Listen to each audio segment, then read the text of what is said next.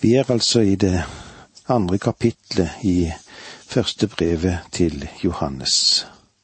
Og i det første verset der leser vi, Mine barn, dette skriver jeg til dere for at dere ikke skal synde.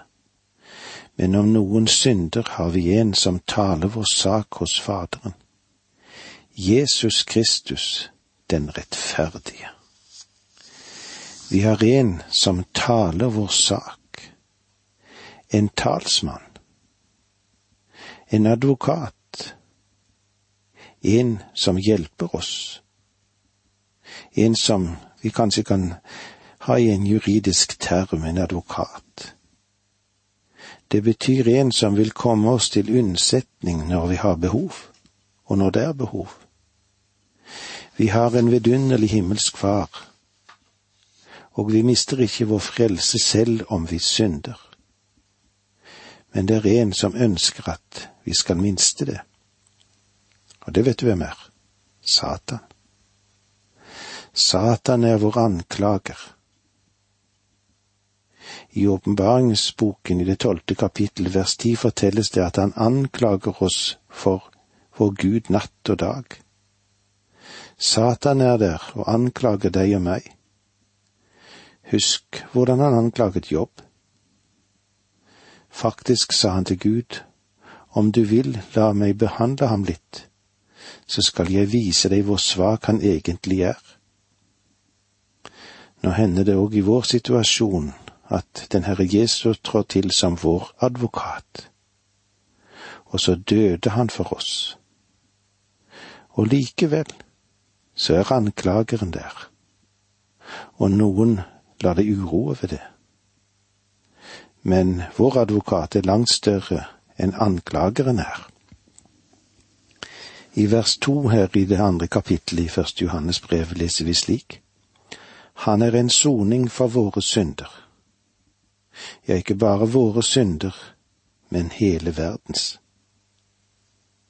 Han er en soning for våre synder. Ordet soning som blir brukt her i Johannes sitt brev, er et annet ord enn det som blir brukt i romerbrevet. I romerbrevet betyr det nådestol. Kristus er soningen, nådestolen, møteplassen mellom Gud og menneske.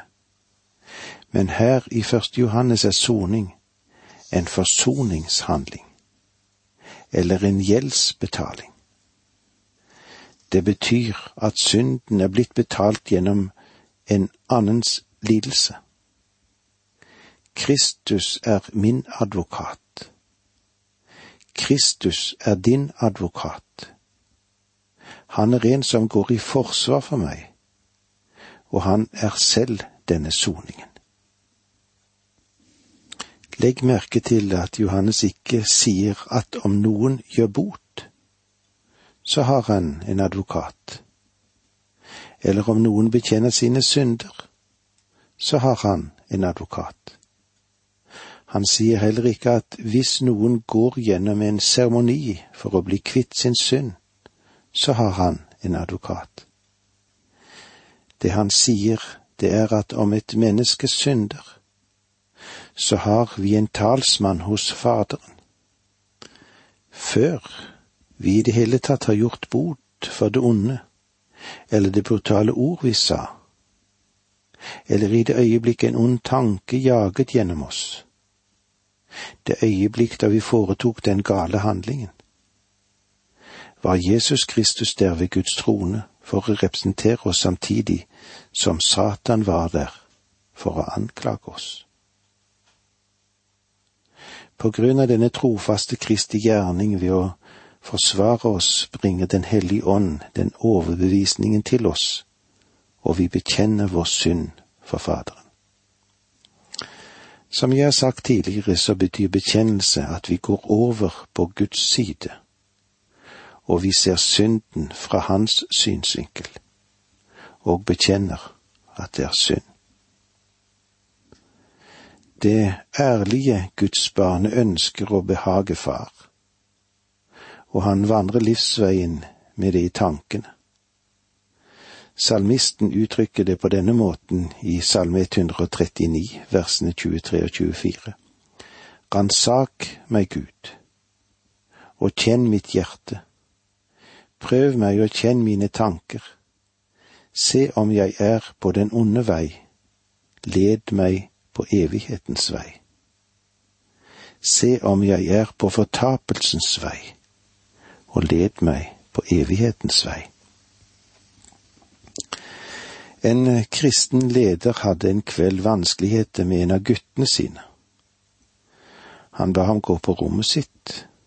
Han fikk ikke komme ned til aftens før han hadde bekjent det gale han hadde gjort. Gutten ville ikke erkjenne noe, men etter en stund ba han far komme opp til seg, og han spurte om han kunne få lov til å gå ned til aftens. Faren svarte, Det er avhengig av deg. Gutten sa, om du tror at jeg har gjort noe galt, så er jeg lei meg. Faren sa, det duger ikke. Senere ba gutten han komme opp igjen. Denne gangen hadde han forandret historien litt, han sa. Vel, siden du og mor begge er av den oppfatning at de har gjort noe galt, så har jeg vel det, da. Nå vil jeg komme ned og spise aftens. Enda en gang sa far til ham at dette var ikke godt nok. Han gikk ned, og senere hørte han gutten gråte litt. Faren gikk opp til ham, og gutten sa, Far, tilgi meg, jeg vet at jeg har gjort noe galt, vær så snill å tilgi meg. Da kom gutten ned og familien hadde en vidunderlig aftenstund sammen fordi fellesskapet var gjenopprettet. Om du er et Guds barn, så er det Guds familie, og Han ønsker å ha fellesskap med deg. Jeg bryr meg ikke så mye om de reglene som du følger. Du tror at på et eller annet vis skal du være i stand til å leve det kristne livet ved å følge visse regler. Gud ønsker ikke at du skal være en slags programmert datamaskin. Han prøver ikke å forme deg slik. Du er et menneske med din frie vilje, med din egen frie vilje. Men du er òg et medlem i hans familie, og han vil ha et levende fellesskap med deg. Og du kan snakke med ham som du ikke kan snakke med noen annen, og det er godt å vite. Det andre vi vil gå inn på her, er at Gud er kjærlighet. Frem til dette punktet har Johannes' tema vært at Gud er lys, og hvordan Guds barn kan ha fellesskap med ham. I den andre hoveddelen av temaet er at Gud er kjærlighet, og hvordan Guds barn kan ha fellesskap med hverandre. Nå har jeg talt om å vandre i lyset. Nå vil han tale om å vandre i kjærligheten. Kjærligheten er selve hjertet i denne, dette brevet eller denne epistelen, og ordet kjærlighet forekommer 33 ganger, og så legges det så stor vekt på det. Fellesskap med hverandre, det er viktig. I vers tre her i det andre kapittelet leser vi Den som viser oss om vi har lært Gud å kjenne, er om vi holder Hans bud. Det du skal legge merke til her, er at dette verset har ikke noe å gjøre med den troendes trygghet. Johannes taler om visshet. Som Guds barn er vi i familie. Men hvordan kan vi være sikre på, visse på, at vi er Guds barn? Og han sier til oss at vissheten kommer av ved å holde Hans bud. Det som viser oss om vi har lært Gud å kjenne, er om vi holder Hans bud. Og med disse ordene sier vi takk for nå, må Gud være med deg. Dette undervisningsprogrammet består av to deler. Åge Nevland fortsetter nå med andre del av dagens undervisning.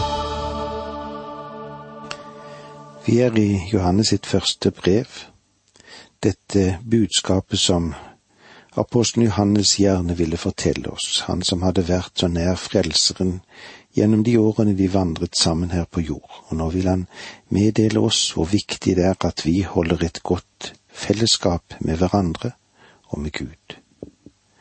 Hold Hans bud i kjærlighet. Det er mulig å bli bevart fra synd. Det er så. Men vi blir fristet. Det er en uunngåelig livserfaring dette i denne verden som vi lever i. Men vi kan bli bevart ved den ånd som bor i oss. Om vi skulle bli overlistet av fristelse, så skal vi ikke fortvile. Vi har en talsmann som alltid går i forbønn for oss. Han er en soning for våre synder. Ja, ikke bare for våre, men for hele verden, står det i det andre verset i det andre kapitlet her i Først Johannes. Beviset for at vi har møtt Frelseren, er klart. Ikke fordi vi minnes en spesiell opplevelse, men fordi vi er klar over at vi for Hans skyld gjør det vi ellers ville ha unngått. La oss fortsette å gjøre det, for på den tålmodige lydighetens vei går vi inn til den fullkomne kjærlighetens paradis. Den ytre vandringen er det beste beviset på det, både overfor oss selv og overfor andre, på at vi lever i forening med Jesus. Og i det tredje verset i kapittel to leser vi slik. Det som viser oss om vi har lært Gud å kjenne, er om vi holder Hans bud. Om vi holder Hans bud. Han viser ikke til de ti bud her. Johannes tar ikke opp noe juridisk aspekt heller. Han tar for seg familiesaker. De ti bud, de ble gitt til et folk. Og på disse bud har de fleste nasjoner basert sine lover. De ti bud er et felles gode. Men nå har Gud noe ekstra å si til sin egen familie og det er bud som dreier seg om hans egne barn. For eksempel får familien følgende melding i Galaterbrevet 6.2. Bær hverandres byrder og oppfyll på den måte Kristi lov. Og i første Tessalonikerbrev 4.2 forteller Paulus Kristi familie det på denne måten. Dere vet jo hvilke påbud vi ga dere fra Herren Jesus. Noen av disse påbud blir nevnt i siste kapittel i Tessalonikerbrevet. Jeg har talt til 22 påbud i dette kapitlet, og her er noen få av de. Gled dere. Gud ønsker at du skal være en lykkelig kristen. Be stadig har å gjøre med munnens holdning. Selv når du er ferdig med din bønnestund, er din holdning åpen for nærkontakt med den himmelske Far. Slokk ikke ånden. Det vil si, si ikke nei til ham. Dette er noen av de påbud som den Herre Jesus har gitt til de troende. Og om vi skal ha fellesskap med Faderen og glede oss ved å ha visshet i våre egne hjerter, så må vi holde Hans bud. Vi føler ikke at vi er fri til å gjøre hva som helst. Den kristne kan ikke gjøre det han vil, men han gjør det Kristus vil. Det viser om vi har lært Gud å kjenne. Husk at gjennom hele dette brevet svarer Johannes gnostikerne, som påsto at de hadde et oververslig kunnskap som ingen andre hadde. Og eh, hva var nå det? Jo, det var egentlig kvalifisert kjetteri. Apostelen Johannes sier at det viktige er om vi kjenner Kristus. Og hvordan kan vi eie visshet om at vi kjenner ham? Det Johannes understreker her, at vi kan ikke vite at vi er Guds barn om vi er ulydige mot ham. Lydighet mot Kristus er vesentlig og selve basis for troens visshet. Så vissheten henger sammen med å ta hans påbud på alvor.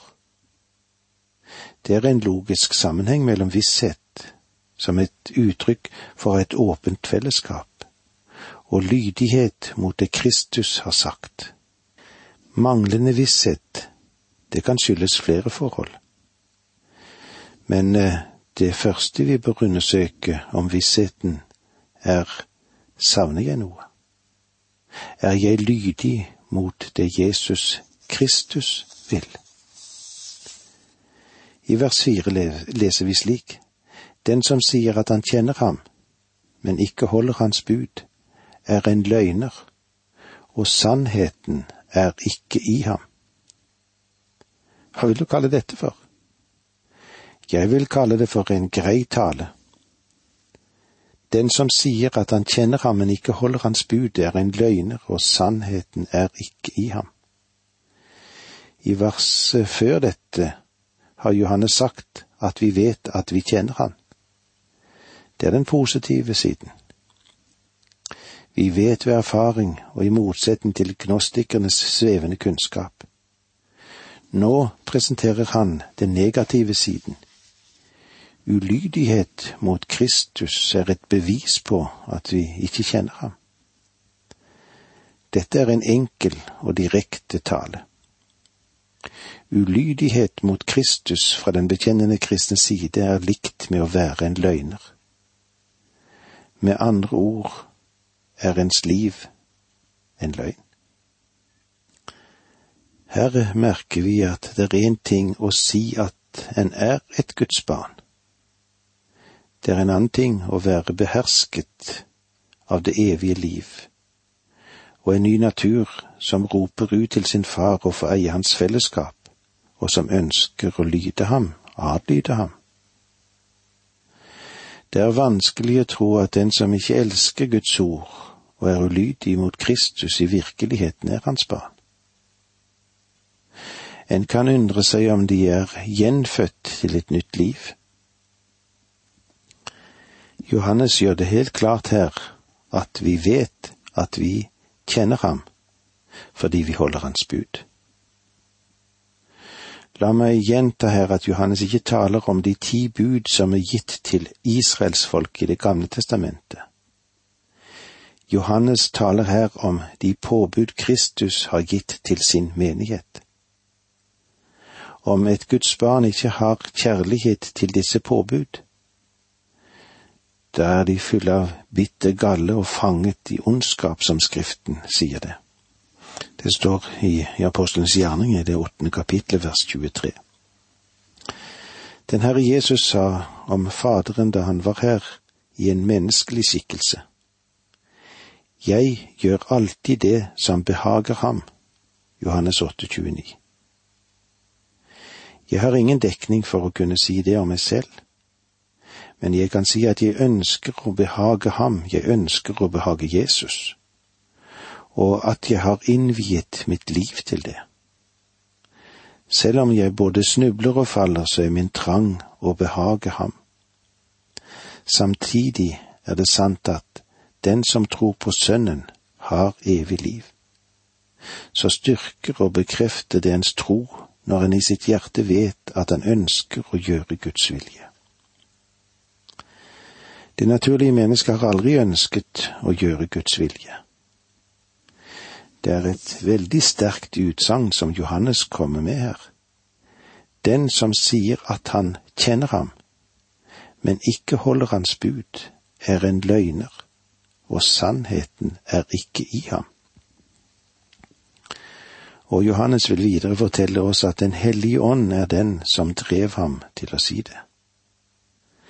Sannheten er ikke i et menneske som påstår at det er et Guds barn men ikke ønsker å holde hans påbud.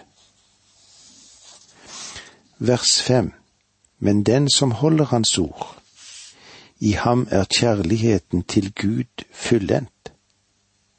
Av dette vet vi at vi er i ham. La meg få lov til å si at jeg føler det er forskjell mellom Guds ord og Guds påbud. Noen vil sikkert si til meg at budene også er Guds ord. Vel, påbudene er Guds ord. Men Guds ord er ikke bare påbud, det er mer enn det. Og jeg håper inderlig at du ser den forskjellen. Det er påbud i Guds ord, men Guds ord er ikke bare bud. Ord er et uttrykk for Guds vilje, enten gjennom påbud eller på annet vis. I Guds ord har du Hans fullstendige åpenbaring til oss om Hans vilje for våre liv. I Johannes 14, 15 sa Herren Jesus de følgende ord. Dersom dere elsker meg, holder dere mine bud. Og i det 23. vers i det samme kapitlet sa han, Den som elsker meg, vil holde fast på mitt ord. Og med dette må vi si takk for nå. Må Gud være med deg.